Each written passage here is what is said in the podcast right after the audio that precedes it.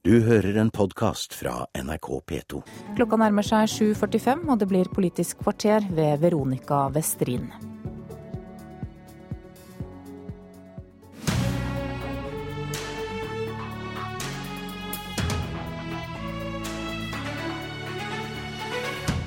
Potte sur, arrogant og uten folkeskikk. Fiskeriministeren er ute i hardt vær. Vel møtt til Politisk kvarter. Denne uken møtte fem ordførere og representanter fra villaksinteressene fiskeriministeren til et dialogmøte. De ville ha hjelp til å møte de store utfordringene som villaksen står overfor. Men etter møtet haglet kritikken.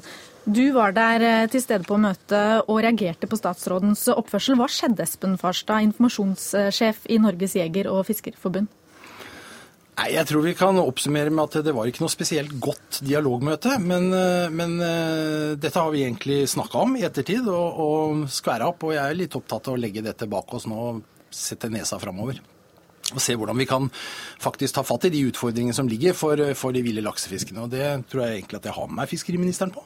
Dere har skværa opp, sier du. Har du fått en unnskyldning fra fiskeriministeren? Vi har snakka sammen om det som skjedde på møtet, og var vel enige om at, at vi skal eh, legge breisida til, eller godsida til begge to framover, og prøve å få til noe til beste for, eh, for villaksen. Ja, Hva er det dere mener fiskeriministeren ikke tar på alvor her?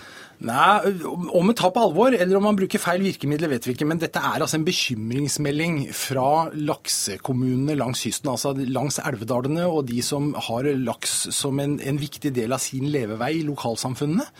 Vi hadde altså samlet 64 ordførere fra Sør-Varanger til Halden i et tverrpolitisk opprop eh, hvor vi ber fiskeriministeren og regjeringen da, om å ta eh, villaksutfordringene, og da spesielt relatert til lakselusa som kom fra oppdrettsindustrien, på alvor når man nå begynner arbeidet med en ny stortingsmelding om oppdrettsvirksomheten.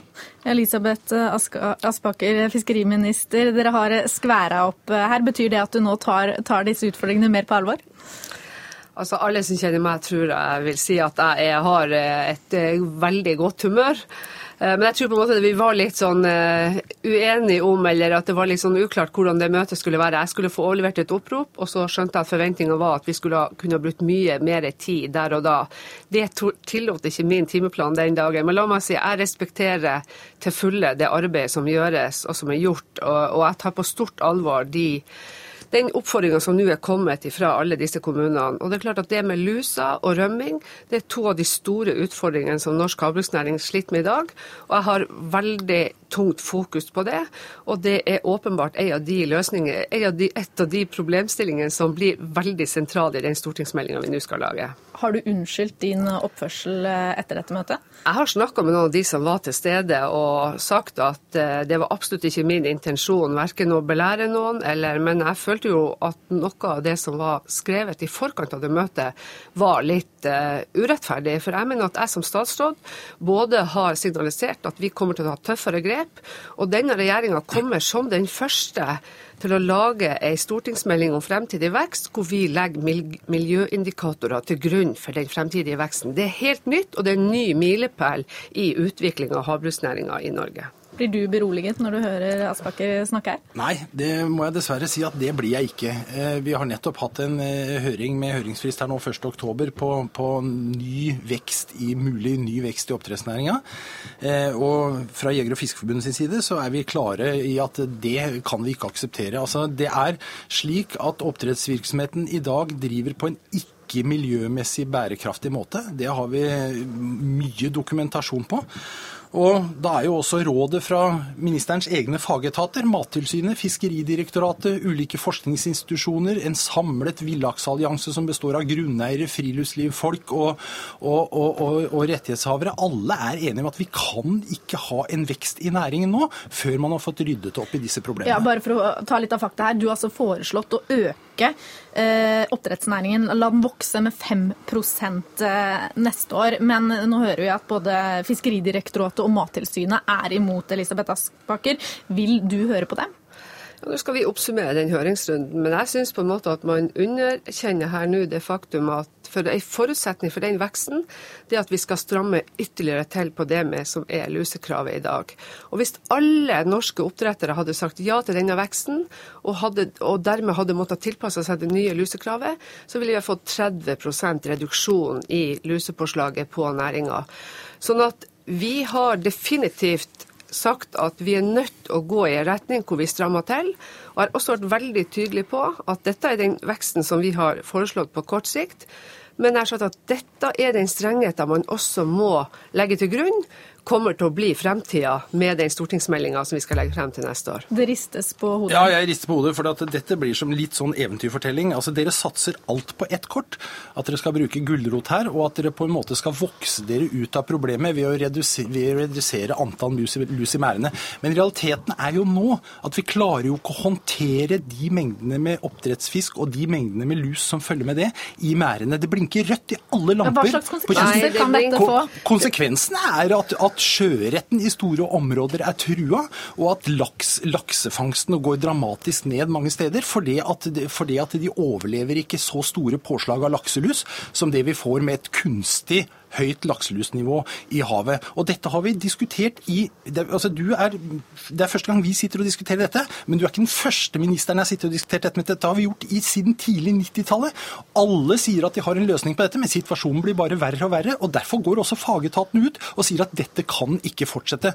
Så det du skisserer, er en politisk drøm om at dere skal klare å gjøre dette her. Realitetene sier noe helt annet. I Peru f.eks. så førte, førte det jo til en kollaps i næringa. Hva vil du gjøre for å redde næringa? Ja, vi skal selvsagt ikke ha noe kollaps i norsk havbruksnæring, men det er en stor og viktig næring på kysten, og vi må greie å utvikle den videre på, på bærekraftige og miljømessig forsvarlige vilkår.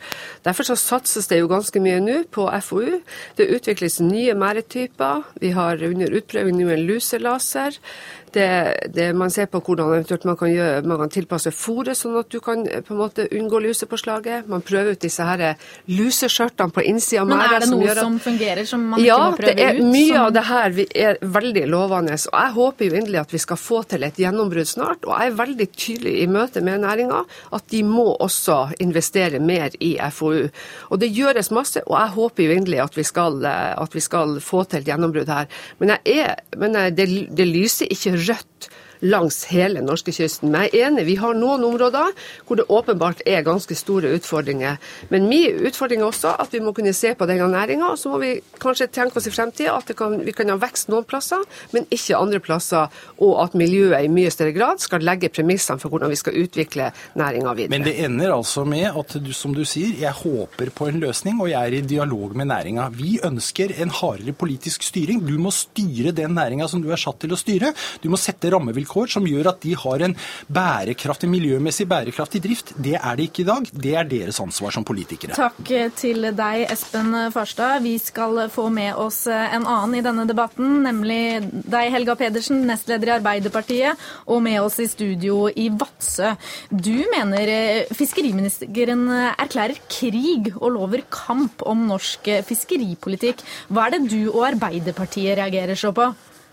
Det er at fiskeriministeren på mange områder presenterer veldig ytterliggående forslag i både oppdrettspolitikken og i den mer tradisjonelle eh, fiskeripolitikken. Eh, samtidig som hun gang på gang eh, viser manglende evne og vilje til å lytte til motforestillinger og faglige råd. Og Den kombinasjonen mener vi er svært uheldig. Eh, Nå har hun, som vi har hørt her, varsla vekst i oppdrettsnæringa med kriterier som Fiskeridirektoratet og fagetatene advarer kraftig eh, imot.